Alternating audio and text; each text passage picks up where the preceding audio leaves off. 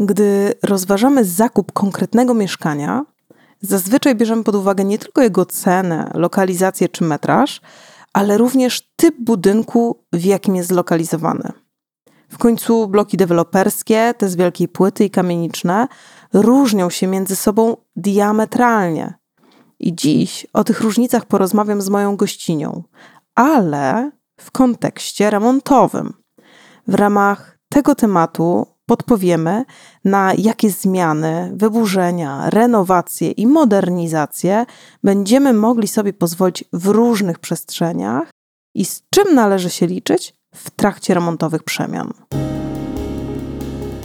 Witajcie, z tej strony Katarzyna Szyc, właścicielka marki Perler Design z meblami i dodatkami do wnętrz, które wpisują się w kategorię sztuki użytkowej, ponieważ tworzone są i projektowane przez naszych polskich artystów właśnie dla marki Perler Design.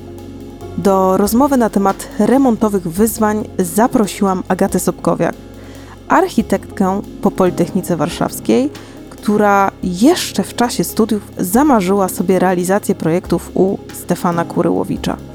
Swój cel osiągnęła. Przez kilka lat realizowała duże przedsięwzięcia właśnie w jego pracowni architektonicznej, tworząc projekty stadionów, lotnisk, a później również hoteli i mieszkań. W jej pracy kluczowe było projektowanie kompleksowych rozwiązań, od fundamentów aż po przysłowiową klamkę w drzwiach. Po 2009 roku Agata otworzyła własną pracownię, a jej pierwsze zlecenia okazały się być tymi wnętrzarskimi. Aktualnie wraz ze swoim zespołem realizuje także projekty kompleksowe od bryły domu po urządzenie wnętrz. Pewnym sensie wróciła więc do korzeni, ale tym razem na własnych zasadach. Myślę, że obecność architekta i projektanta wnętrz w jednym będzie przy naszym dzisiejszym temacie niezwykle pomocna. W końcu kupując mieszkanie, warto wiedzieć, jakie są największe wyzwania remontowe w przestrzeniach kamienicznych, tych z wielkiej płyty oraz deweloperskich. Oczywiście z perspektywy architektki Agaty Sobkowiak.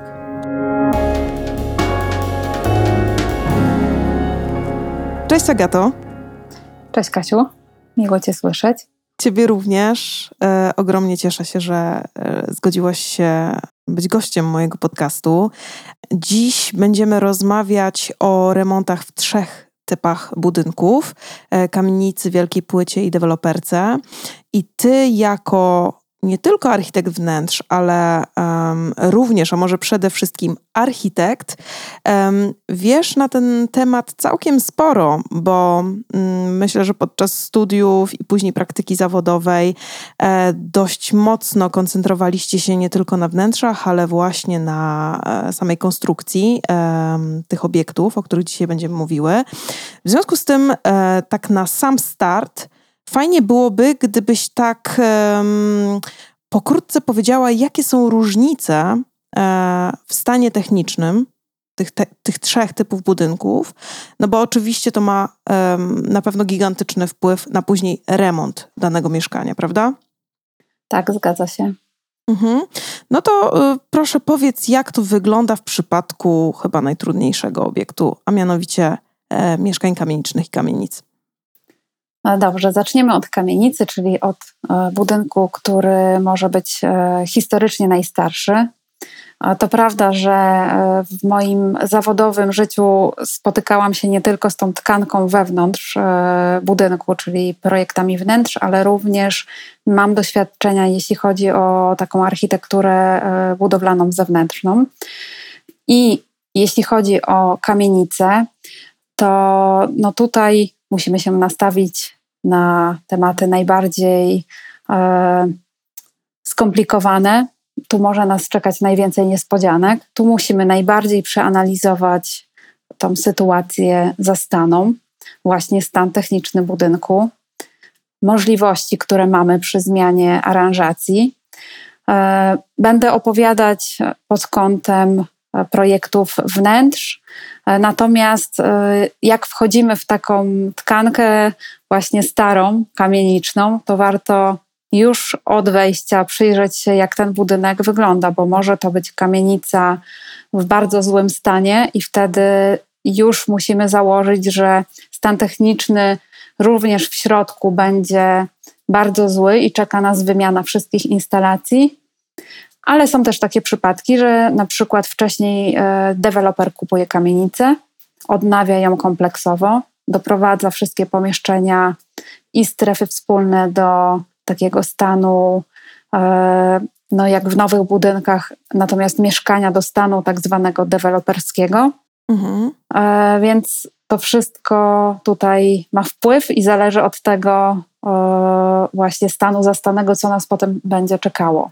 E, tutaj na sekundę się wtrącę. E, odsyłam do pierwszego podcastu z Kasią, e, w którym Kasia nieco opowiadała o tym właśnie na co zwrócić uwagę przed zakupem mieszkania w kamienicy. Właśnie dotyczyło to w dużej mierze tego stanu technicznego.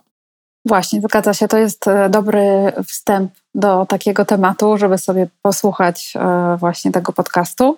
Natomiast jakby, jakbyśmy porównywali do budynku kamienicznego inne rodzaje zabudowy, właśnie na mhm. przykład wielką płytę lub e, nowe budynki e, deweloperskie, no to wiadomo, że jeśli chodzi o kamienice, to tutaj te budynki są e, najstarsze, mogą mieć nie wiem, ponad 100 lat i tutaj musimy się liczyć właśnie z tym stanem technicznym no, na różnym poziomie.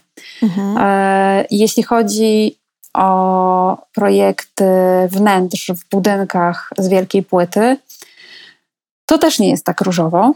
I tutaj się zdarza, że y, no też wszystkie instalacje musimy niestety wymienić, ponieważ no, budynki były projektowane i wykonywane w latach 60., 80. na tym przełomie, więc wtedy technologia troszkę inaczej wyglądała. Standardy mieszkań i wyposażenia mieszkań też były inne, więc te instalacje są przystosowane do takich właśnie starszych urządzeń. Oprócz tego ściany i konstrukcja budynku, no to znowu porównując, kamienica to są e, mury ceglane, grube, e, które są solidne, E, tam oczywiście możemy e, się spodziewać różnych uszkodzeń, pęknięć, które musimy jakoś tam nareperować i, i poradzić sobie w czasie remontu. W budynkach z wielkiej płyty znowu to są konstrukcje prefabrykowane, które troszkę inaczej pracują i również zdarzają się E, takie niespodzianki, że gdzieś te ściany są popękane i całościowo trzeba je zabezpieczać, wzmacniać, naprawiać. Mhm. E, natomiast e, no, to po prostu są rzeczy, które już przy kupnie takiego mieszkania i planowaniu remontu one są, trzeba o nich pamiętać, założyć, że będą i one raczej w 90% się zdarzają. Chyba, że ktoś już wcześniej coś już remontował i wchodzimy w taką e, tkankę wstępnie zaopiekowaną. Okej, okay, a powiedz mi, e, bo wspominasz o tym, że z innych elementów budowane były kamienice i innych e, właśnie te nasze mieszkania z wielkiej płyty, budynki z wielkiej płyty. Z Twojej perspektywy architekta, e, które z nich są bardziej trwałe? E, no, bardziej trwałe są według mnie kamienice, e, dlatego że budynki prefabrykowane nawet były projektowane na trochę krótszy czas e, żywotności. One stoją nadal i no niektóre się po prostu sypią, niektóre trochę lepiej przetrwały i tam co się da, to, to właściciele tych budynków, gdzieś tam mieszkańcy jakoś naprawiają, starają się jeszcze to utrzymywać. Natomiast te konstrukcje prefabrykowane, one też były no, w takich warunkach stawiane nie najlepszych. E, szybko trzeba było budować, jakość wykonania była słaba, te materiały, e, które używali, były po prostu Niskiej e, jakości. Niskiej jakości, dokładnie. Mhm. I wiadomo, że czas robi swoje. Korodują różne elementy zbrojenia. E, tam się zdarzają e, mostki termiczne, które skutkują tym, że wewnątrz w mieszkaniach pojawia się wilgoć, grzyb. Musimy sobie z tym wszystkim poradzić. Więc na pewno kamienice zbudowane z cegły, która jest materiałem wyższej jakości, jest to taka ceramiczny materiał, trwały, są no, lepiej, lepiej się starzeją i są bardziej trwałe. Tutaj to jest na pewno przeważający plus, jeśli chodzi o ten rodzaj zabudowy. Okej, okay. a jak to jest, powiedz mi, z mieszkaniami czy budynkami nowymi, deweloperskimi? No, budynki deweloperskie to teraz opierają się na technologiach najwyższych i najnowszych. E, w zależności od tego, jaki standard deweloper przyjmuje do danej inwestycji e, i jak szybko chce ją zbudować, bo materiały no, są coraz nowsze. Ja już nawet e, nie zawsze nadążam na tym, hmm. jakie nowości wchodzą i co możemy użyć do, do budowy nowego obiektu no później wchodząc w środek, w tą tkankę przy, przy wnętrzach, no trochę widzimy, tak, że mamy i elementy żelbetowe, bo wysokościowe budynki no, muszą mieć swoją konstrukcję, więc wiadomo, że, że e, słupowo-płytowe albo ściany żelbetowe to są elementy konstrukcyjne, które tam spotykamy i te konstrukcje tworzą szkielet i to się wypełnia później jakimś elementem, e, nie wiem, cegieł, pustaków, bloczków różnego rodzaju silikatowych. Coś, co jest szybko się buduje, jest to, nie wiem, niedrogie też przy takich masowych budowach. E, no i też ma dobre właściwości termiczne, bo przepisy dotyczące też właśnie termiki budynków są coraz takie bardziej wymagające i na pewno muszą e, deweloperzy tego przestrzegać i stosować materiały, które spełniają wszystkie warunki, wszystkie przepisy w, w tej branży. Okay, czyli jeżeli myślimy o mieszkaniu w danym miejscu przez dziesięciolecia, to tak z tego, co opowiadasz, te mieszkania z wielkiej płyty z nimi może być po prostu różnie. Natomiast e, nawet jeżeli w tych mieszkaniach deweloperskich zastosowano jakieś tańsze materiały czy, czy nieco gorsze e, rozwiązania, to tak czy siak w perspektywie czasu e, mają szansę przetrwać dłużej niż te bloki właśnie z wielkiej płyty. Tak? Dobrze to rozumiem? Czy, czy tu wcale nie mam gwarancji? Tak bym do tego podchodziła, szczególnie że bloki z wielkiej płyty właśnie były projektowane tylko na jakiś założony okres. Mhm. Ja już jakby nie pamiętam dokładnie na ile lat e, to, to było e, projektowane i budowane, e, ale nie na zawsze, więc jakąś żywotność te materiały mają. Teraz, jak deweloperzy budują nowe budynki, to na pewno zwracają uwagę na, na to, na trwałość materiałów, na to, jak to się starzeje, żeby to się jakoś, nie wiem, nie rozsypywało, nie korodowały różne elementy. Więc te budynki na pewno są dużo wyższej jakości, inaczej się to będzie starzało, ale tak naprawdę czas pokaże, tak? bo no nie, mhm. nie jesteśmy w stanie tego ocenić z perspektywy lat. Jesteśmy w stanie ocenić materiał typu cegła, który był wykorzystywany do budowy kamienic, e, czy materiały jakieś naturalne, typu kamienie, które się znajdują na elewacjach. No widzimy, jak te budynki wyglądają, i wchodząc w środek, w tkankę wewnątrz, też widzimy e, w czasie remontu, jak one się zachowują, kiedy zaczynamy w nie ingerować. I tak samo w blokach z wielkiej płyty no i teraz w deweloperce, no to będziemy obserwować proces starzenia się tych budynków przez najbliższe lata. Tak, a nawet dziesięciolecia. No Zobaczymy. właśnie. Wspominałaś o tym, że wiek budynku e, i jego stan techniczny jakby jest silnie skorelowany z instalacjami wewnątrz, prawda? Bo tak. um, oczywiście, jeżeli podczas tych, tych dziesięcioleci były te instalacje wymieniane, to fantastycznie, ale nie zawsze tak jest. Czy mogłabyś troszeczkę poopowiadać właśnie, um, z czym należy się liczyć właśnie w związku z tymi instalacjami w tych trzech typach budynków?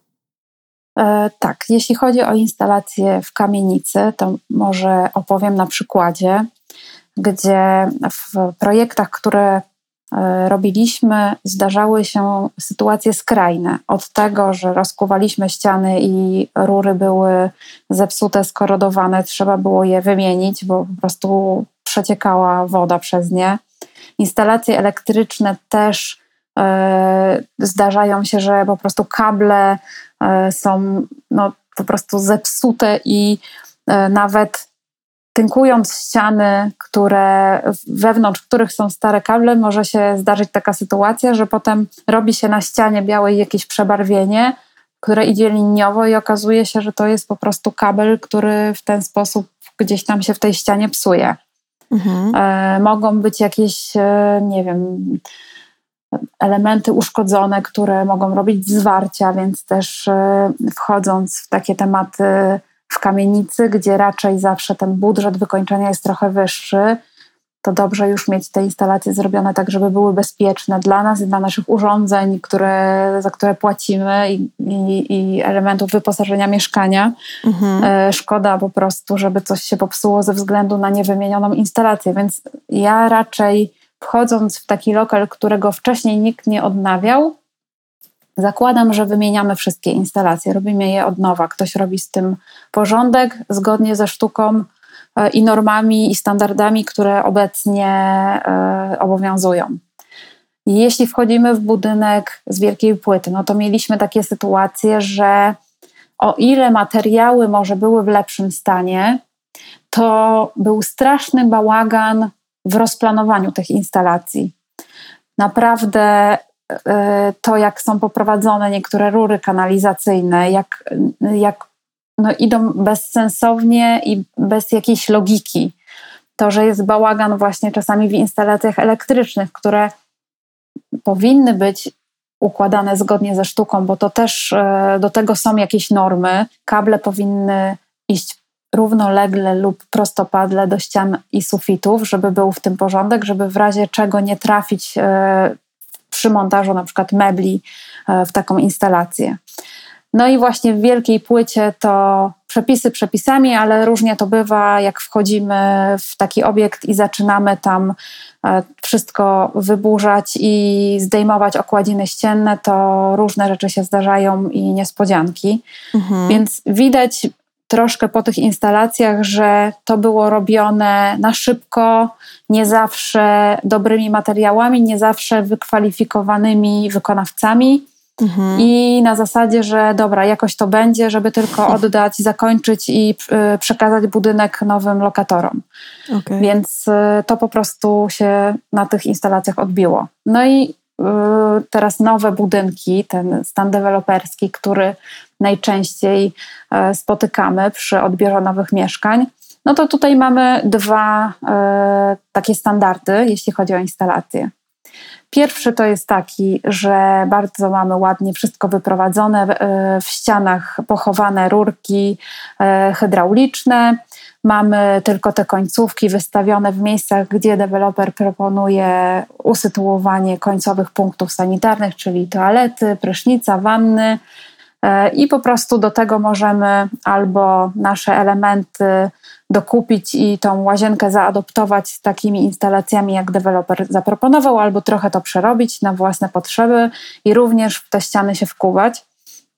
Natomiast y, bardziej ostatnio spotykanym, spotykaną sytuacją jest to, że wszystkie instalacje hydrauliczne są poprowadzone na zewnątrz ścian działowych, E, szczególnie międzylokalowych, bo to wtedy jest e, związane również z taką akustyką e, tych ścian i izolowaniem od sąsiadów, lub elementami żelbetowymi, bo w, to są wtedy elementy konstrukcyjne, więc nie wolno w nie ingerować i wkuwać się instalacjami. I wtedy mamy tak, że wchodzimy na przykład w przestrzeń nowej łazienki i wszystkie rury od wody i odpływy hydrauliczne widać, są poprowadzone na ścianie i potem już w naszych rękach jest to, co z tym zrobimy i jak to ładnie obudujemy, żeby tych rur nie było widać. A powiedz mi, bo wspominałaś o tym, że te instalacje w kamienicach oraz budynkach z wielkiej płyty często są w nie najlepszej kondycji.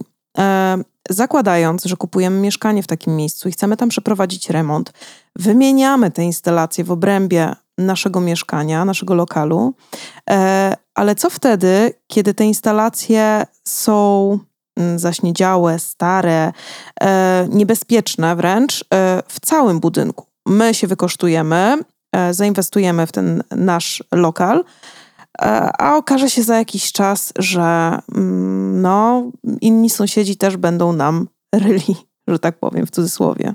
Tak, takie sytuacje się zdarzają, więc wchodząc w tkankę budynku starszego, typu kamienica czy wielka płyta, to pierwszy krok, który należałoby zrobić, dowiedzieć się, czy instalacje w budynku były wymieniane, bo takie remonty ogólne instalacji się zdarzają. Po prostu te instalacje tego wymagają, żeby zrobić ich renowację w przestrzeni całego budynku. I no, jeśli już wcześniej zostało to zrobione, to mamy szczęście i tylko wtedy martwimy się o remont we własnym mieszkaniu. Natomiast jeśli okaże się, że to nie było nigdy robione, no to musimy to założyć, że taki remont będzie nas czekał i wtedy należy tak zaplanować swoje mieszkanie i dostęp do tych instalacji wspólnych, czyli tych wszystkich pionów kanalizacyjnych, szachtów, żeby po prostu w przyszłości można było się do tego łatwo dostać, nie, nie, nie dewastując sobie przy okazji całego mieszkania. Mhm, a ty masz jakieś patenty jako architekt i architekt wnętrz w jednym, e, jak to mm, zaprojektować i wykonać, aby faktycznie był do tego łatwy dostęp? Czy, czy można o tym poopowiadać? Czy myślisz, że tutaj trzeba by było już pracować na konkretnym przypadku? To znaczy, mogę powiedzieć, e, jakie my mamy doświadczenia biurowe, bo kilka takich sytuacji mieliśmy. E, no i na to jest kilka rozwiązań. Jedno może być takie, że na przykład obudowujemy sobie to elementem meblarskim, który jest łatwo, łatwy do demontowania. E, wszystko zależy oczywiście od tego, w którym miejscu w pomieszczeniu taki pion się znajduje, do którego kiedyś ktoś będzie chciał się dostać. Czy to jest przestrzeń kuchni, czy to jest przestrzeń łazienki, czy może jakiegoś korytarza, czy może, nie wiem, nawet pralni. Bo jeśli to jest pomieszczenie typu pralnia, no to to nie jest jakieś wykończone dobrymi, drogimi materiałami pomieszczenie. I zazwyczaj wystarczy to obudować płytą GK, a potem założyć, że łatwo się będzie do tego dostać. Będzie tą płytę trzeba tylko rozebrać, e, wymienić instalację, a potem to na nowo zabudować. I to nie jest inwazyjne dla reszty mieszkania. Mhm. Jeśli mamy łazienkę, no to tutaj może być gorzej, bo e, łazienki wykańczamy płytkami. Więc zabezpieczając tą przestrzeń od podłogi do wysokości co najmniej 1,20 m. Raczej na większości ścian mamy płytki, no to trzeba się zastanowić, jak w tym momencie to zabudować. No i można to, do tego podejść w ten sposób, że na przykład mm, wyznaczyć sobie granice tego pionu instalacyjnego, który w przyszłości będzie rozbierany. W tym miejscu zrobić e, fugę, która będzie na przykład e, wypełniona silikonem, a nie taką fugą tradycyjną, żeby mhm. można to łatwo wyciąć, żeby płytkę stamtąd można było łatwo usunąć e, i jej nie zniszczyć. Dostać się później do właśnie pionu, do tej za, za, do zabudowy instalacji, która też pewnie powinna być zrobiona raczej w sposób taki lekki, czyli płytą GK no i mieć to gdzieś na uwadze, że, że będzie to demontowane i jest to zrobione w taki sposób, żeby, żeby nie było później kłopotu. Jeśli taki pion jest w kuchni, no to można to zabudowywać na przykład e, wysokim meblem. Bardzo często nam się zdarza, że piony e, są schowane za zabudową lodówki, która zwykle jest od podłogi do sufitu, więc stolarz, który robi mebel, może być e, uprzedzony, że ten mebel trzeba będzie kiedyś y, zdemontować, żeby dostać się do pionu i wymienić instalację i po prostu taką możliwość sobie zostawić. I też takie sytuacje mieliśmy i, i takie e, rozwiązania były stosowane. Natomiast jeszcze nie miałam sytuacji, że klient do mnie wrócił Mhm. I powiedział pani Agato, właśnie będą nam robili remont e, instalacji i po prostu co proszę teraz? o pomoc, co teraz musimy coś zdemontować. Więc e, takich sytuacji nie mieliśmy, ale jeśli było zaznaczone przy rozpoczęciu tematu, że to może się wydarzyć, to zawsze jakiś patent e, na to znaleźliśmy. Okej, okay, myślę, że też warto e, zachować na przykład kilka bądź kilkanaście kafli um, które jeżeli okazałoby się, że mm, te, te, te ściągane tak, z, z, nie wiem, ze ścian ulegną uszkodzeniu, to zawsze będzie można podmienić na nowe. Tak, oczywiście. I to zawsze, e, jak mamy remont mieszkania i zamawiamy płytki, to dobrze mieć e, jedną, dwie płytki albo tyle, ile właśnie jest przewidziane na wykończenie elementu, który jesteśmy pewni, że będzie demontowalny, gdzie się sobie schować, dlatego że nawet jeśli producent będzie te płytki produkował jeszcze przez kilka lat, to każda partia może się delikatnie różnić odcieniem, tak. więc możemy się tego spodziewać, że jak taką płytkę domówimy, to ona po prostu będzie się znacznie różnić. Dlatego czy ta wymiana pionów instalacyjnych będzie, czy nie, to w razie jakiejśkolwiek awarii, choćby nie wiem, na przykład baterii podtynkowej, e, dobrze gdzieś tam mieć w zapasie taką jedną płytkę mhm. E, do właśnie nieprzewidzianych sytuacji. A z Twojego doświadczenia, które, mm, może inaczej, mm, gdzie trzeba się liczyć z większym budżetem na wymianę tych instalacji? W kamienicy czy w wielkiej płycie? Bo domyślam się, że w deweloperce e, z tym raczej się spotykamy rzadko.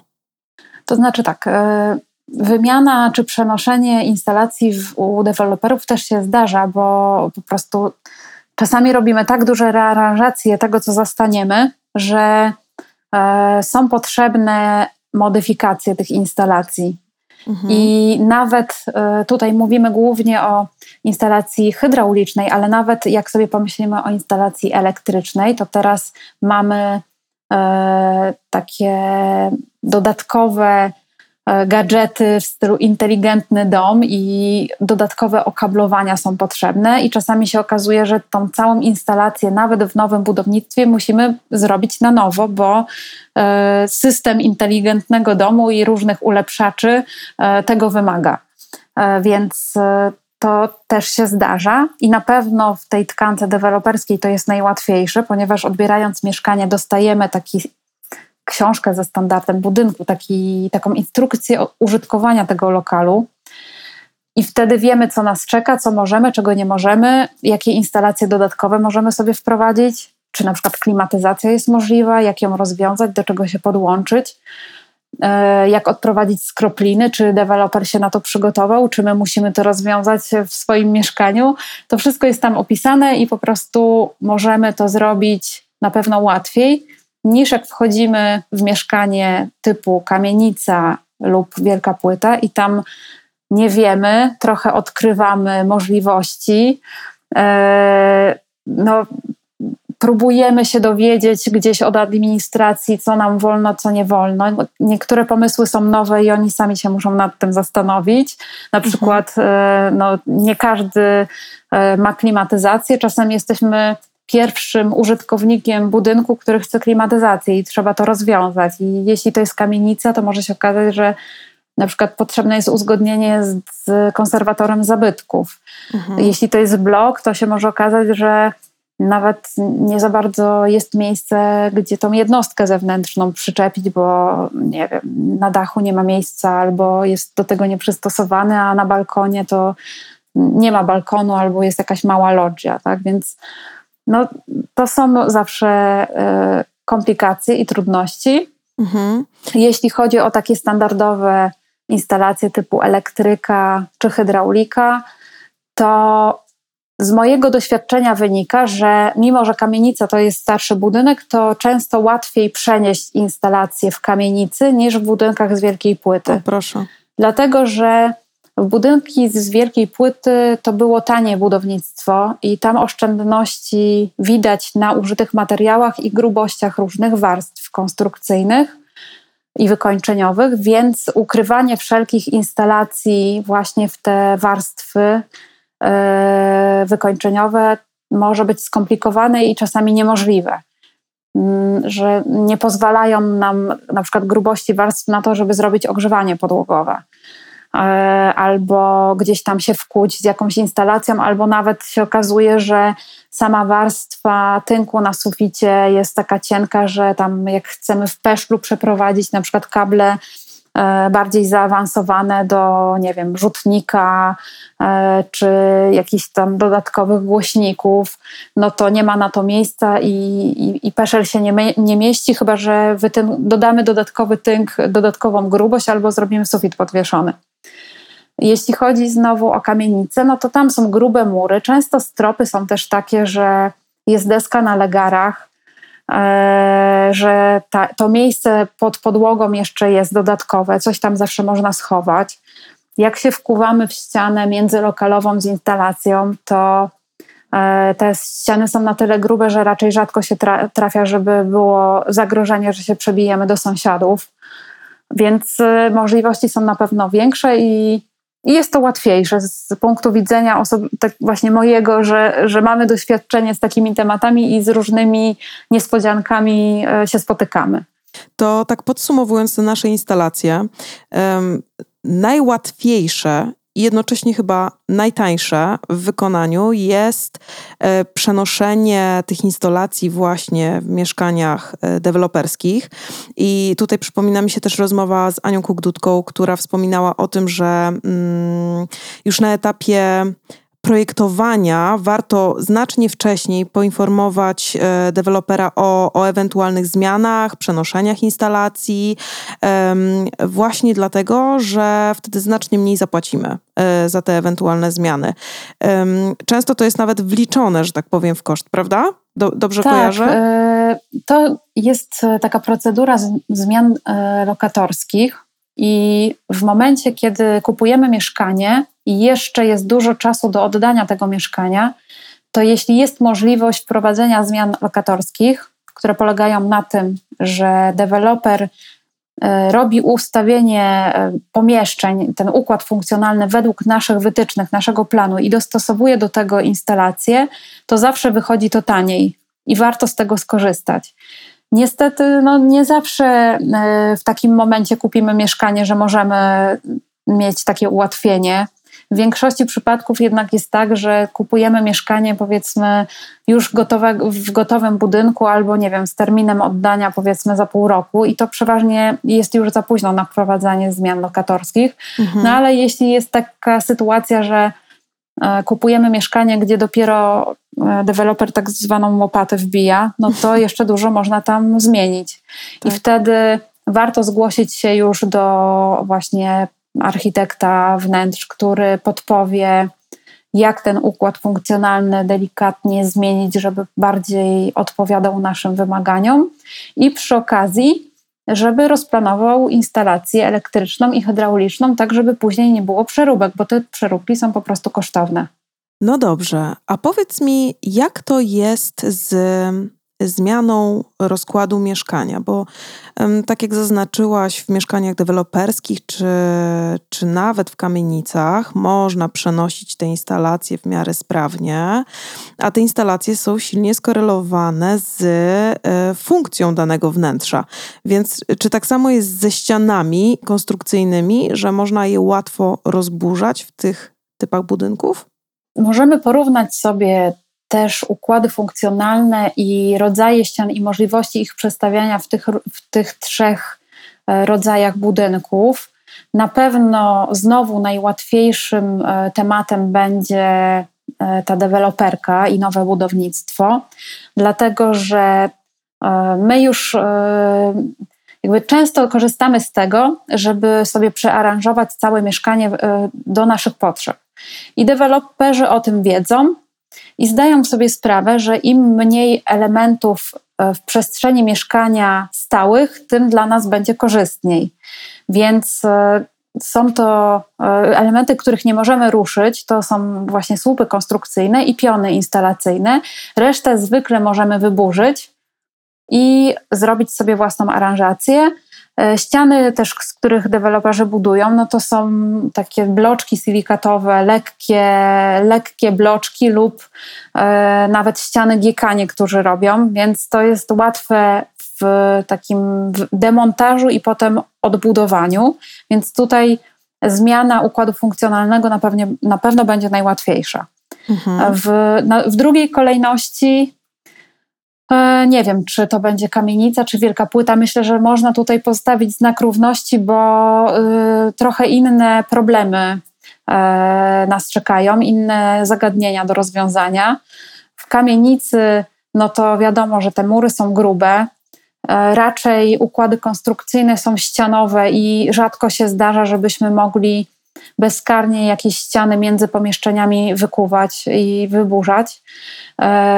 Częściej się zdarza tak, że jeśli chcemy połączyć pomieszczenia, to raczej robimy otwór przejściowy między pokojami, który jest wzmocniony belką konstrukcyjną i e, no, daje nam to takie powiększenie optyczne całej przestrzeni i, i jakąś fajną zmianę aranżacyjną, natomiast całkowite wywalenie ścian i zostawienie tylko właśnie pionów instalacyjnych to raczej rzadko wchodzi w grę.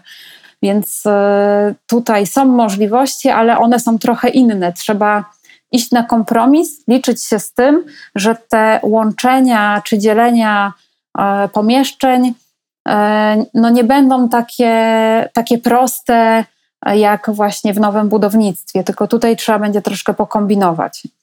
Jeśli na przykład jest ściana gruba, konstrukcyjna i chcemy zrobić duże przejście, żeby E, na przykład jadalnia łączyła się z salonem albo z kuchnią i żeby to było takie otwarcie, na przykład z dużymi drzwiami, to często właściwie zawsze tak trzeba się zwrócić jeszcze o dodatkowy projekt do konstruktora, który policzy, jaka belka musi tam się pojawić e, w czasie takiej przeróbki. No i tak naprawdę zgodnie ze sztuką to jeszcze się powinno zrobić zgłoszenie do urzędu takiej przeróbki i projekt budowlany na to. Mhm. E, jeśli znowu mamy obiekt e, taki w wielkiej płycie, mieszkanie w konstrukcji na przykład szkieletowej, gdzie jest, są dwa układy otwarte i zamknięte, no to w układzie otwartym jest tak, że możemy więcej tych ścian wyburzać w środku i raczej układ funkcjonalny jest całkowicie możliwy do zmiany. Są E, czasem grubsze ściany nośne lub elementy typu słupy konstrukcyjne. W układach e, zamkniętych mamy właściwie układ funkcjonalny narzucony i za bardzo nic z tym nie możemy zrobić. E, więc też się czasami trzeba z tym liczyć, że jak kupujemy mieszkanie w wielkiej płycie, to konstrukcja budynku może nam nie pozwolić na zmianę aranżacji. Dobrze się wcześniej dowiedzieć, E, jak te ściany, z czego są wykonane, jak są zrobione, jaka to jest konstrukcja i e, administracja budynku powinna mieć takie informacje, na co sobie możemy pozwolić e, właśnie w przeróbce i remoncie mieszkania. Okej, okay, a czy jesteśmy w stanie to zweryfikować czy sprawdzić wyłącznie, nie wiem, obserwując grubość danej ściany, pukając w tę ścianę, czy to jest troszkę za mało? powiem ci, że czasami nie mamy wyjścia. Mhm, czyli że zdarza. Właśnie zdarzają się takie budynki, w których nie ma żadnej dokumentacji technicznej. No właśnie, Administracja nie ma pojęcia, jak to zostało zrobione. Mhm. I wchodząc na inwentaryzację, po prostu widzimy, że musimy tam, nie wiem, zbadać to, wziąć konstruktora, który z nami przyjdzie, albo zrobi jakieś odkrywki tych ścian, żeby zobaczyć, z czego one są postawione. Mhm. No i takie tematy są znacznie bardziej skomplikowane, bo nie możemy zrobić projektu i po prostu go wykonać, tylko samo przygotowanie do tego projektu jest bardziej skomplikowane. Trzeba tą tkankę odpowiednio zbadać, przygotować się do remontu i zobaczyć, jakie mamy w ogóle możliwości. Więc nawet taka konsultacja z wykonawcą, który to będzie potem wykonywał, już pod kątem jakichś wstępnych wymagań funkcjonalnych, e, to jest dobry pomysł na początek. Okej. Okay. No czyli generalnie oglądając mieszkanie po raz pierwszy i decydując się na to, czy, czy je zakupimy, czy nie, trochę, trochę ryzykujemy po prostu. Bo, bo różne rzeczy mogą się podziać po drodze. Może się okazać, że, że nasza wizja e, rozburzenia tych ścian może nie być e, zrealizowana. Jasne, no zawsze to jest drobne ryzyko. Kupno mieszkania, czy to stare, czy nowe. E, to jest zawsze jakieś. E, to są zawsze jakieś niespodzianki, mniejsze, większe, ale zawsze coś nas zaskoczy i nie, nie o wszystkim nam powie właściciel albo deweloper, więc e, no, to nie jest wchodzenie w jakieś takie łatwe e, tematy, gdzie wszystko jest jasne, oczywiste i się udaje nawet właśnie w nowoczesnych budynkach deweloperskich, gdzie niby mamy wszystkie standardy, wszystko zapisane, to zdarzają się małe, ale jakieś problemy do rozwiązania po drodze. Mhm. Jak już rozmawiamy o tych ścianach, powiedz mi proszę, z czym należy się liczyć e, właśnie w tych ścianach wewnętrznych, nie wiem, ubytkami, uszkodzeniami, złą izolacją termiczną i tak dalej w tych trzech typach budynków? Czy jest coś takiego charakterystycznego dla każdego z nich właśnie w związku ze ścianami? To znaczy tak, jeśli mówimy o ścianach, które wyznaczają mieszkanie, czyli to są tak zwane ściany międzylokalowe, no to to, na co ja najbardziej zwracam uwagę, to jest grubość tych ścian i izolacja akustyczna lub izolacja termiczna, jeśli to są ściany zewnętrzne. I na to trzeba zwracać uwagę. No bo jeśli wchodzimy w nowe budynki, no to one muszą teraz e, być, e, odpowiadać standardom i przepisom i być odpowiednio zaizolowane. To jest wszystko zgłaszane w projektach budowlanych, wyliczane i raczej powinno być e, zrobione dobrze. Jeśli są budynki stare, no to może być tak, że właśnie są jakieś nieszczelności, przemarzania, e, może mo, też nawet e, nieszczelności w obsadzeniu okn, okien się zdarzają i, i też ten komfort wtedy termiczny jest gorszy. E, zdarzają się złe izolacje, na przykład przeciwwodne w mieszkaniach na parterach, wtedy są problemy. Mhm. E, więc na te rzeczy warto zwrócić uwagę właśnie przy kupnie mieszkania bo to też może być dodatkowy koszt albo coś, co nam po prostu utrudni życie mhm. E, i funkcjonowanie. E, natomiast jeśli chodzi o ściany takie wewnątrz lokalu, no to znowu w tych projektach, e, które robimy w stanie deweloperskim, najczęściej są ściany właśnie z bloczków silikatowych, z takich, no nie wiem, pustaków e, też ceramicznych się zdarzają, chociaż rzadko. E, czasem są z płyt GK i tak naprawdę to jest na tyle standardowe rozwiązanie, że dzisiaj każdy wykonawca wchodząc w takie mieszkanie sobie z tym radzi, potrafi rozprowadzić w tych e, ściankach instalacje. Albo jeśli coś wyburzamy, robimy na nowo, to wybiera wykonawca taki materiał, który jego zdaniem będzie najbardziej odpowiedni do naszego zamierzenia e, budowlanego i, i do tych funkcji, które tam chcemy e, wprowadzić w mieszkanie.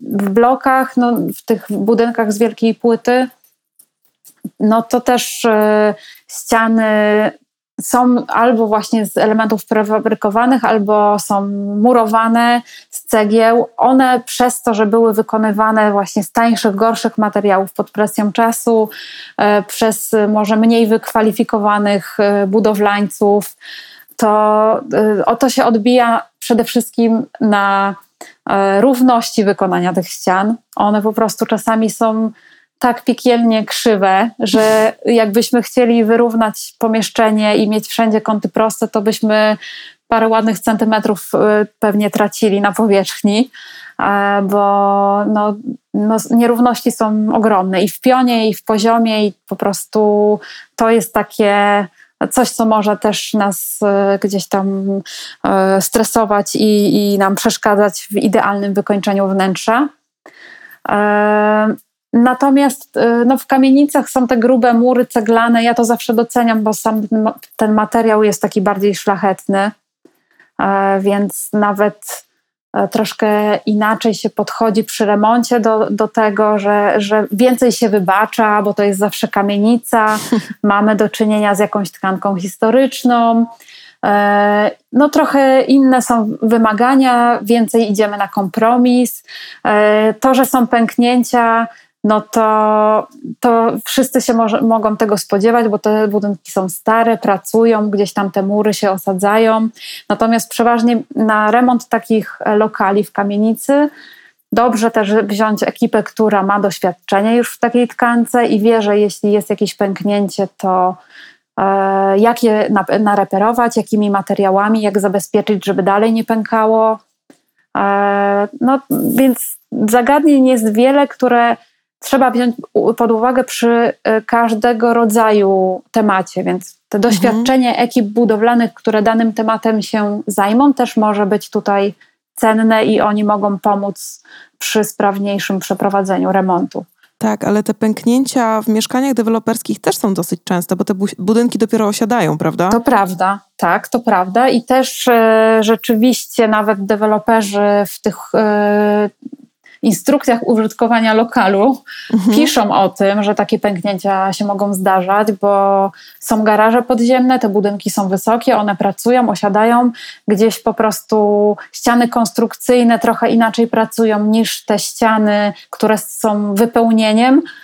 I na łączeniu elementów konstrukcyjnych i ścian, e, takich murowanych, te, najczęściej te, te pęknięcia się zdarzają, więc jak robimy sobie wykończenie mieszkania, no to po prostu też trzeba na to zwracać uwagę. Jeśli już widać gdzieś zarys tego pęknięcia, no to na pewno można to jakoś zabezpieczyć i się może spróbować uchronić przed tym, żeby się rysa nie pojawiła, ale czasami po prostu nie ma na to rady i tak. trzeba to zaakceptować, że taka, takie zarysowania się pojawią.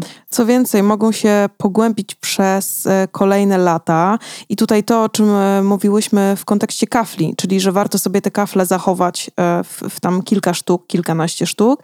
Myślę, że podobnie jest w przypadku farby. Może nie tyle zachować tę farbę, co zapisać sobie konkretny numer, kolor, markę, żeby później ewentualnie nie musieć przemalowywać całej ściany, tylko po prostu, mm, nie wiem, pokryć jakiś tam jej drobny kawałek. To prawda, a jeszcze e, przy okazji tych płytek e, do łazienki, mhm. warto pomyśleć o tym i może też się zastanowić przy e, wybieraniu rodzaju wykończenia, jak ten budynek może pracować, bo widziałam takie sytuacje, że były płytki ułożone od podłogi do sufitu, budynek pracował i były bardzo cienkie fugi, i po prostu te płytki pękły przez całą, e, jakby przez całe pomieszczenie. Na wszystkich ścianach było pęknięcie wzdłuż płytek, bo no, było jakieś naprężenie, nie było dylatacji, więc jak sobie rozplanowujemy na przykład ułożenie płytek w nowej łazience, to pomysł robienia ich troszkę mniej, nie do sufitu, tylko na przykład do wysokości powiedzmy 1,20 m, tak jak mniej więcej stelaż e, e, do WC-tu jest e, projektowany, a powyżej tego już ściana malowana, to po pierwsze jest to oszczędność materiału, po drugie może się okazać, że przy nowym budynku będzie to lepsze rozwiązanie na wypadek, gdyby ten budynek pracował i coś miało popękać. Super patent, dobrze o tym mówisz. No właśnie, taka mała rzecz, a w sumie warto y, to przemyśleć, właśnie biorąc pod uwagę jakieś ewentualne w przyszłości problemy i, i takie, y, taką pracę budynku, prawda? Mhm. A mam do Ciebie pytanie, Ciebie jako architekta. Powiedz mi, y, czy te pęknięcia są czy da się je przewidzieć w pewnym sensie, na przykład z uwagi na teren, w jakim jest postawiony e, budynek, albo jego wysokość, czy materiały, z jakich został wykonany? Czy, czy tu jest tak wiele czynników, że to jest w pewnym sensie nie do przewidzenia? Myślę, że raczej to drugie. Mhm. E, że oczywiście starają się projektanci jak najwięcej zbadać wcześniej, z jakimi warunkami mają do czynienia i dobierać do tych warunków odpowiednie materiały budowlane. Konstruktorzy mają za zadanie odpowiednio tą konstrukcję przeliczyć, żeby wszystko było przygotowane i jak najmniejsze potem zdarzały się właśnie usterki, ale no nie są w stanie przewidzieć wszystkiego bo no pomyśl sobie, że nawet badania e, gruntowe takich, e, takie przed, przed przygotowaniem całej inwestycji, no to wchodzą w teren w kilku punktach, robią odwierty, badania, jaki, jaka jest, jakie jest podłoże, e, do czego konstrukcja ma być przygotowana, ale to jak budynek jest bardzo duży, to nie są w stanie zbadać całej ziemi, która tam jest, i może się gdzieś zdarzyć jakiś fragment, który będzie bardziej problematyczny, i w tym miejscu budynek trochę inaczej zapracuje. Mhm. Druga rzecz jest taka, że na przykład budujemy coś na działce, naokoło nic nie ma, i może się okazać, że przy e, kolejnych inwestycjach, które będą rosły w naszym sąsiedztwie, będzie na tyle, na tyle duża ingerencja w teren i jakieś drgania i e, no, sytuacje, które będą miały, oddziaływały na nasz budynek, że, że też będzie wszystko super policzone, a też się będą pojawiać jakieś pęknięcia, zarysowania, jakieś usterki, które będą związane z tym, że jest bardzo blisko kolejna budowa. A tego nie jesteśmy zupełnie w stanie przewidzieć. Tak. Więc jeżeli chcemy tego uniknąć, po prostu kupujemy już e, mieszkanie w budynku, który stoi kilka lat, osadził się na tyle, że, że, że nie przewidujemy, że tam pojawią się jakieś kolejne e, wybrzuszenia, pęknięcia i tak dalej. No myślę, że to może mhm. być e, dobra rada, mhm. żeby po prostu wiedzieć już, jak budynek się zachowuje, jak się starzeje, co są, jakie są tam problemy, na, na co się mamy przygotować. No, tak myślę, że od tych naszych e, ścian tak płynnie możemy przejść do podłóg, bo mhm. Mm, o, o, ile, o ile w mieszkaniach deweloperskich najczęściej jest to po prostu wylewka, prawda, przygotowana tak. tam pod, pod, pod podłogi, o tyle w mieszkaniach e, takich kamienicznych czy tych z wielkiej płyty często na podłogach mamy na przykład parkiety. Powiedz mi, jak z Twojego doświadczenia e, wygląda sprawa e, renowacji e, tych podłóg? Czy to w ogóle jest możliwe? Jak, w jakim procencie? Czy to jest duży koszt, mały koszt? Jak trafiamy na jakąś piękną drewnianą podłogę dębową w kamienicy, to zawsze pierwsza myśl to jest taka, czy można ją uratować i zrobić renowację, i żeby ona została jako taki trochę świadek historii. Mhm. I staramy się to robić. Jeśli nasi klienci na przykład yy, no, akceptują niedoskonałości i to, że ta podłoga będzie trochę skrzypiąca, będzie miała gdzieś szczeliny między klepkami, ale większą wartość ma dla nich to, że ona jest stara i jest częścią tego budynku, no to, to wtedy super. I zachowujemy ją i staramy się gdzieś zrobić jakieś drobne uzupełnienia, jeśli trzeba. Cyklinowania pewnie cyklinowanie, taką renowację, znaleźć kogoś, kto się na tym zna, kto nam podpowie, jak ją y, potraktować, żeby ona wyglądała lepiej, żeby się dobrze starzała, żeby się zabezpieczyć przed jakimiś problemami, kto sprawdzi w ogóle, w jakim stanie jest ta podłoga. Więc y, jeśli jest taka możliwość, to warto się nad tematem pochylić i spróbować to zrobić. Często jeśli podłoga jest w dobrym stanie, to będzie to niższy koszt niż zerwanie i zrobienie nowej podłogi, bo w kamienicach to się może okazać, że jak zerwiemy tą podłogę, to tam pod spodem trzeba będzie dużo więcej zrobić e, i zaingerować, żeby zrobić podkład pod taką nową podłogę, nową deskę. No, może to być jeszcze większym problemem. Mieliśmy taką sytuację, że E, w kamienicy, może takiej bardziej modernistycznej, robiliśmy projekt e, właśnie aranżacji wnętrza i e, Częściowo mieliśmy parkiet dębowy, bardzo ładnie zachowany. Zresztą też był w fajnym takim kolorze, troszkę ciemniejszym. I ten ciemniejszy kolor, nawet po cyklinowaniu, on został. Natomiast w jednym pomieszczeniu, gdzie była wcześniej kuchnia, E, była, było linoleum na takiej desce e, zwykłej. No mhm. i chcieliśmy tam zrobić sypialnię. Więc jak to wszystko zdjęliśmy i te deski, które by, były takie trochę nieszczelne i tam pod tymi deskami były jakiś piasek, e, więc tak im bardziej zdejmowaliśmy te, te warstwy, tym gorzej mhm. było pod spodem i zrobienie po, podłogi w tym jednym pokoju po prostu no było bardzo kosztowne w porównaniu do odnowienia tej istniejącej e, posadzki drewnianej w reszcie mieszkania. Tutaj jeszcze nawiążę do tej swojej rozmowy z Kasią Antończyk ponownie, która też wspominała o tych podłogach kamienicznych i o tym, że o ile faktycznie na tych wyższych piętrach e, jeżeli podłoga wygląda całkiem nieźle, wystarczy ją wycyklinować, czy tam e, podreperować, uzupełnić jakieś ubytki, o tyle na parterze mm, warto sprawdzić najpierw stan e, piwnic, czy nie ma tam bardzo dużej wilgoci, e, bo może się okazać, że niestety trzeba będzie tę podłogę ściągnąć i położyć jakąś dodatkową warstwę, która zabezpieczy nas właśnie przed tą wilgocią.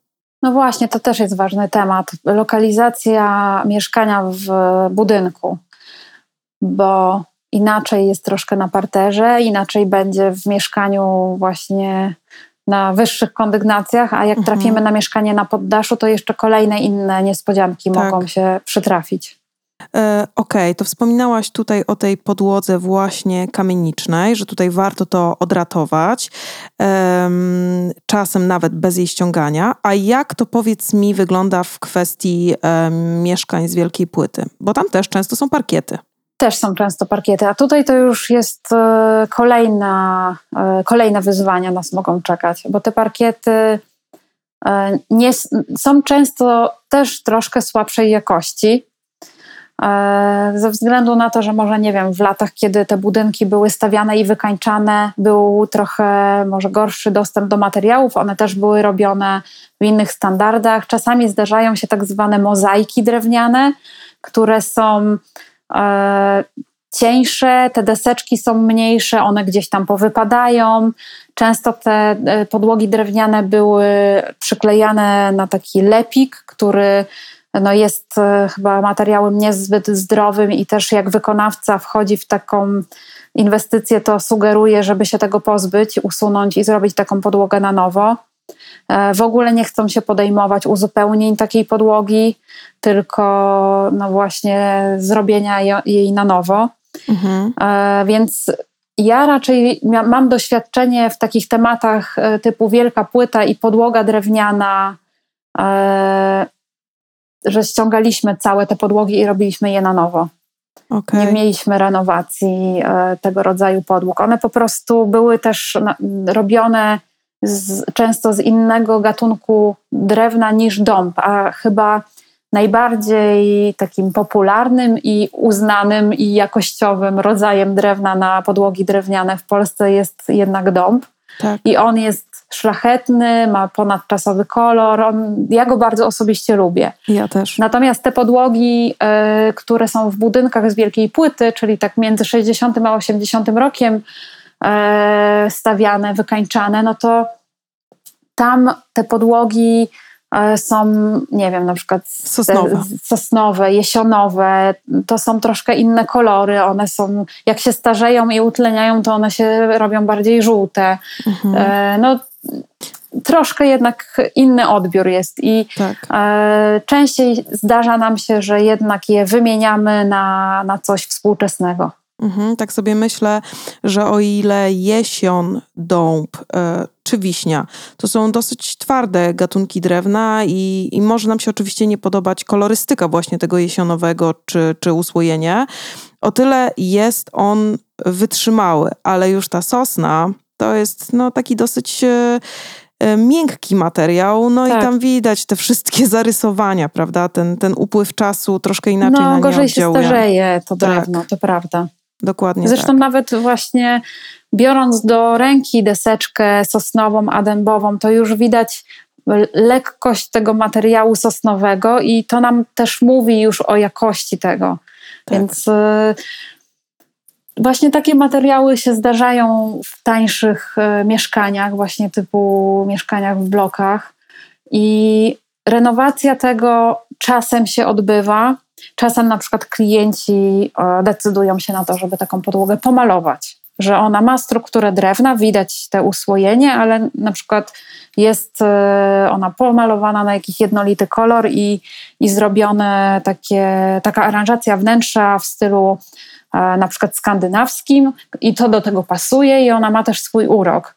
Mhm. No ale nie każda podłoga jest taka, że jak ją pomalujemy, to będzie wyglądać fajnie. Więc to wszystko zależy po prostu na co trafimy, na jaki materiał i, i, i jaki styl potem chcemy w danym mieszkaniu osiągnąć. I jeszcze mam do Ciebie pytanie o te pomalowane podłogi, e, tak z, z, punktu widzenia użytkowego e, i funkcjonalnego. Powiedz mi, czy one po czasie po prostu ta farba nie schodzi, nie zostawia takich nieestetycznych przetarć? No, to jest druga sprawa, że e, ta farba, jeśli chodzimy w obuwiu po mieszkaniu, czy po prostu, nie wiem, coś tam szoruje po tej podłodze, to ona się będzie ścierać i e, oczywiście to może mieć swój urok. Jeśli mhm. jest e, wnętrze bardziej rustykalne i takie, które ma wyglądać na postarzane i gdzieś ta pomalowana podłoga tam się pojawia i nawet takie przetarcia są pożądane, no to okej, okay. ale jeśli na przykład chcemy mieć bardziej takie sterylne e, wnętrze, ładnie wykończone, e, idealne powierzchnie wszędzie, no to te zarysowania i przetarcia farby na podłodze no to mogą zupełnie nie pasować. Mhm. E, to też zależy od tego, kto jak takie mieszkanie użytkuje. No bo jeśli powiedzmy decyduje się na taką malowaną podłogę klient, który będzie o to bardzo dbał i będzie tam po prostu chodził w kapciach, kładł dywany na tą podłogę i po prostu e, pielęgnował odpowiednio, no to może przez lata taka podłoga dobrze wyglądać. A jeśli w taką podłogę, w tą przestrzeń z taką podłogą wejdzie, nie wiem, rodzina z dwójką dzieci małych i psem, no to ona długo nie wytrzyma. Tak. Widziałam właśnie podobny efekt na kaflach um, mieszkanie jednej osoby. Te kafelki były pomalowane i widziałam, jak w szybkim tempie ta farba zaczęła schodzić i wyglądać właśnie tak mało estetycznie. Więc um, okazuje się, że nawet jedna osoba może po prostu z czasem um, zetrzeć te powierzchnie. Wiesz, wydaje mi się, że to też zależy od y, użytego materiału, mhm. bo jest coraz więcej producentów, które, którzy oferują właśnie farby do odnawiania różnego rodzaju powierzchni. elementów powierzchni. Mhm. I niektóre z nich są, e, nadają się, żeby coś zrobić, ale potem użytkowo są słabej jakości.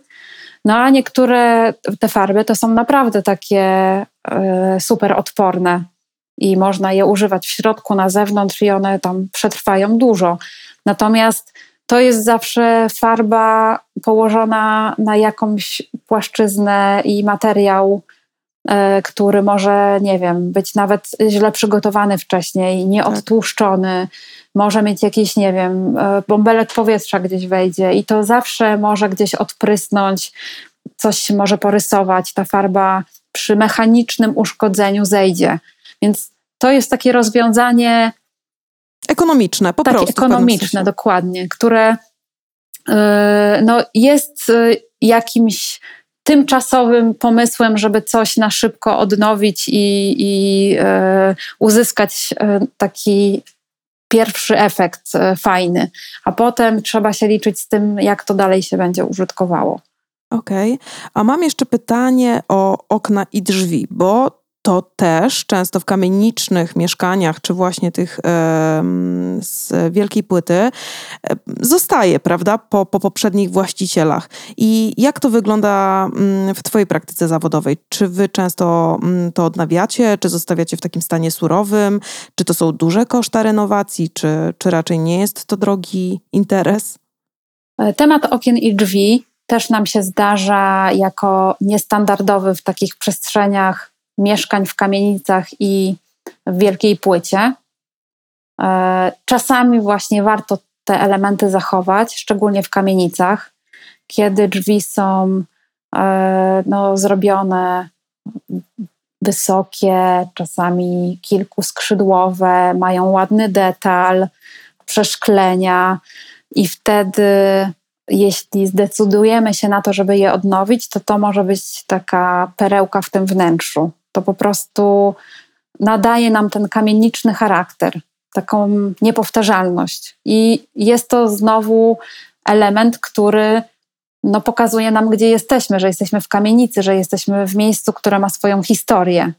I tak. jeśli ktoś to docenia i jest w stanie wydać na to pieniądze, bo to, bo to jest według mnie duży koszt, żeby we właściwy sposób takie elementy odnowić, no to zawsze jest to na plus dla całej estetyki takiego mhm. wnętrza.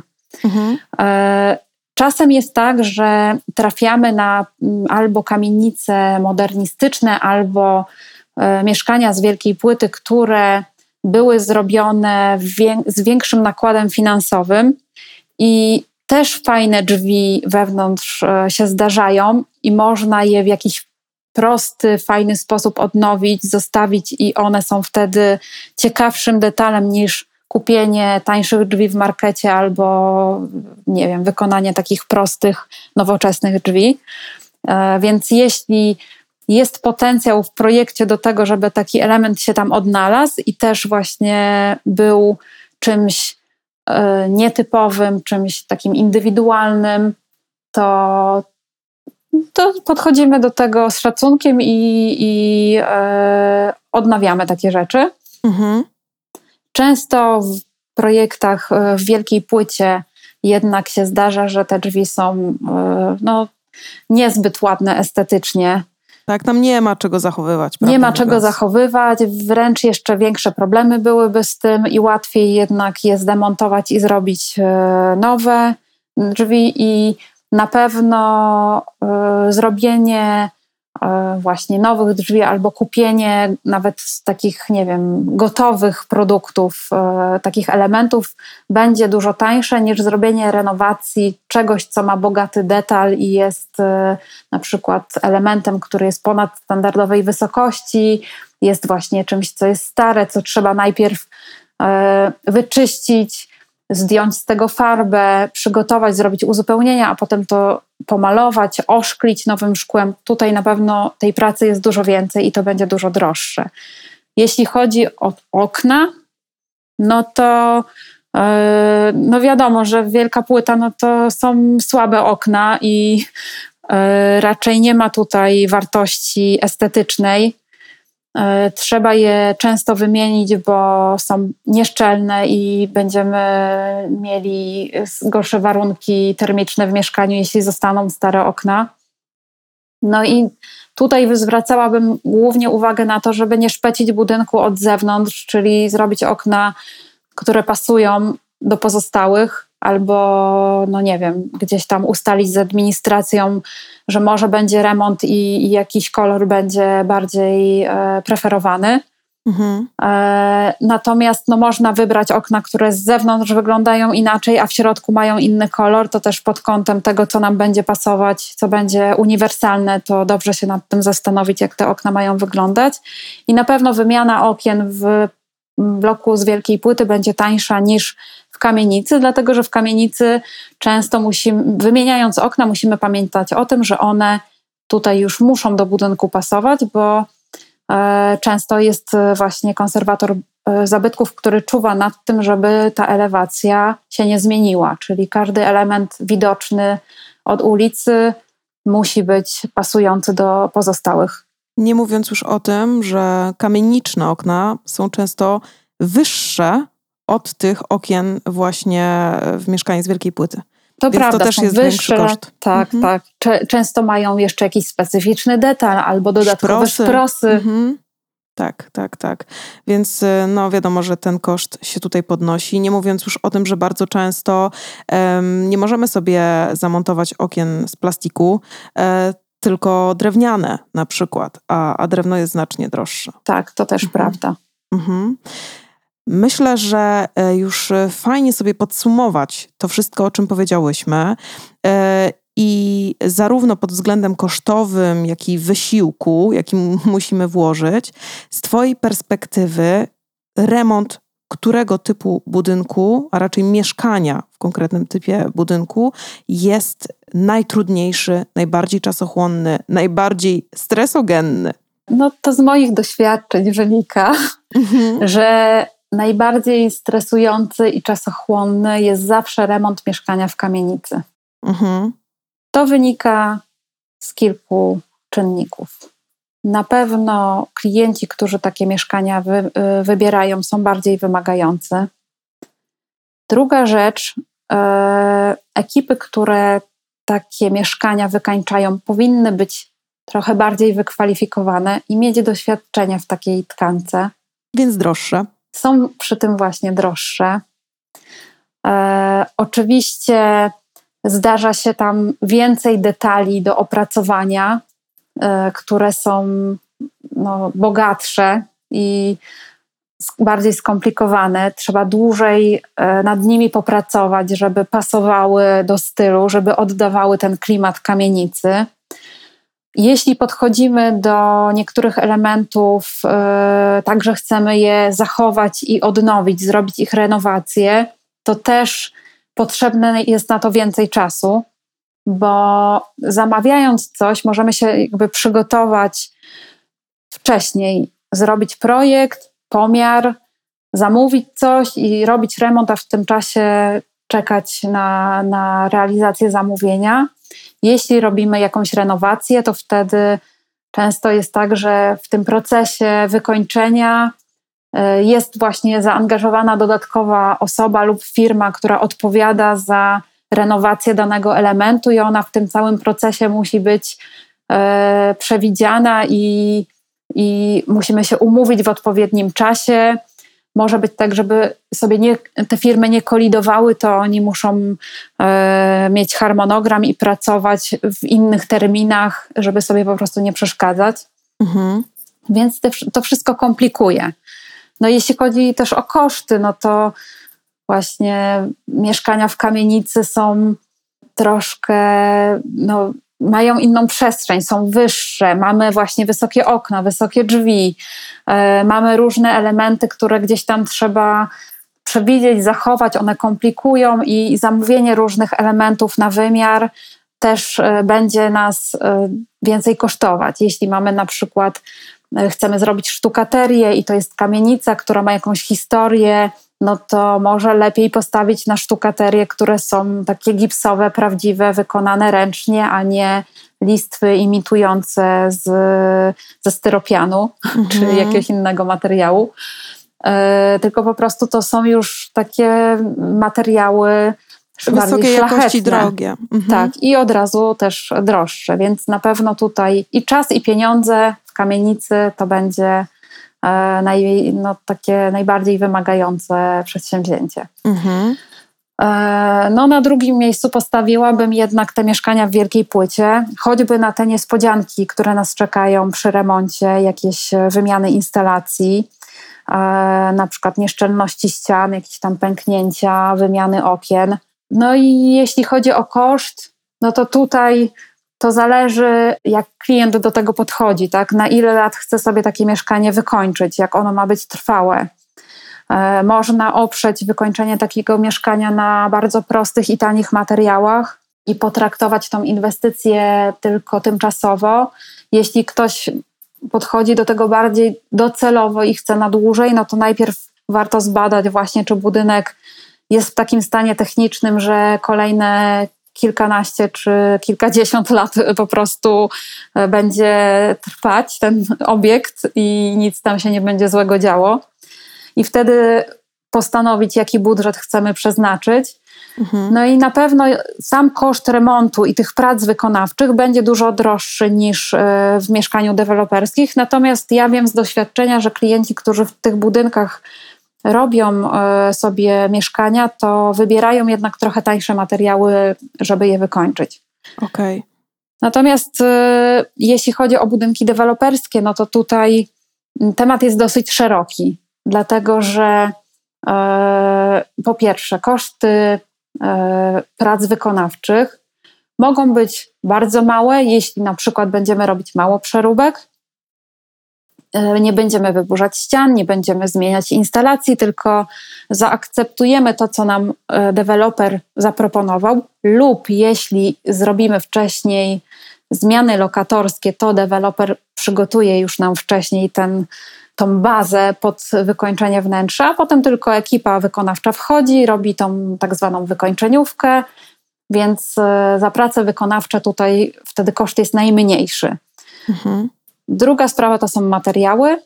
No to wiadomo, że tutaj sky is the limit, tak? Czyli możemy mieć coś, co będzie super tanie z, nie wiem, marketu budowlanego, a możemy mieć materiały, które będą najwyższej jakości, naturalne kamienie, jakieś, nie wiem, płytki mozaikowe e, albo spieki wielkoformatowe do łazienek i wtedy te koszty rosną. Tak samo potem z wyposażeniem. Możemy mieć tanie wyposażenie e, z sieciówek e, takich e, meblarskich, a możemy mieć meble na wymiar też z lepszych materiałów albo drogie designerskie lampy.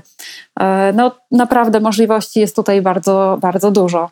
No i tak. kwestia też tego, w jakim standardzie też deweloper mieszkanie zbudował czy użyte materiały i właśnie wykonane instalacje są e, wyższej jakości i zrobione właśnie lepiej, czy instalacje są wkute w ściany, czy mamy też te instalacje na wierzchu i tutaj musimy się trochę e, natrudzić, żeby je pochować i żeby to wszystko ładnie wykończyć, to też będzie nam na pewno wpływało na ten koszt remontu. Ale gdybyśmy tak mieli podsumować te trzy typy budynków mhm. i szukali najtańszej możliwości, żeby sobie wykończyć mieszkanie, no to właśnie mieszkanie deweloperskie, które albo ma układ, który akceptujemy i on jest, yy, odpowiada naszym wymaganiom i nie trzeba tam nic zmieniać, albo mamy właśnie tą możliwość, że są te zmiany deweloperskie zrobione według naszych wytycznych,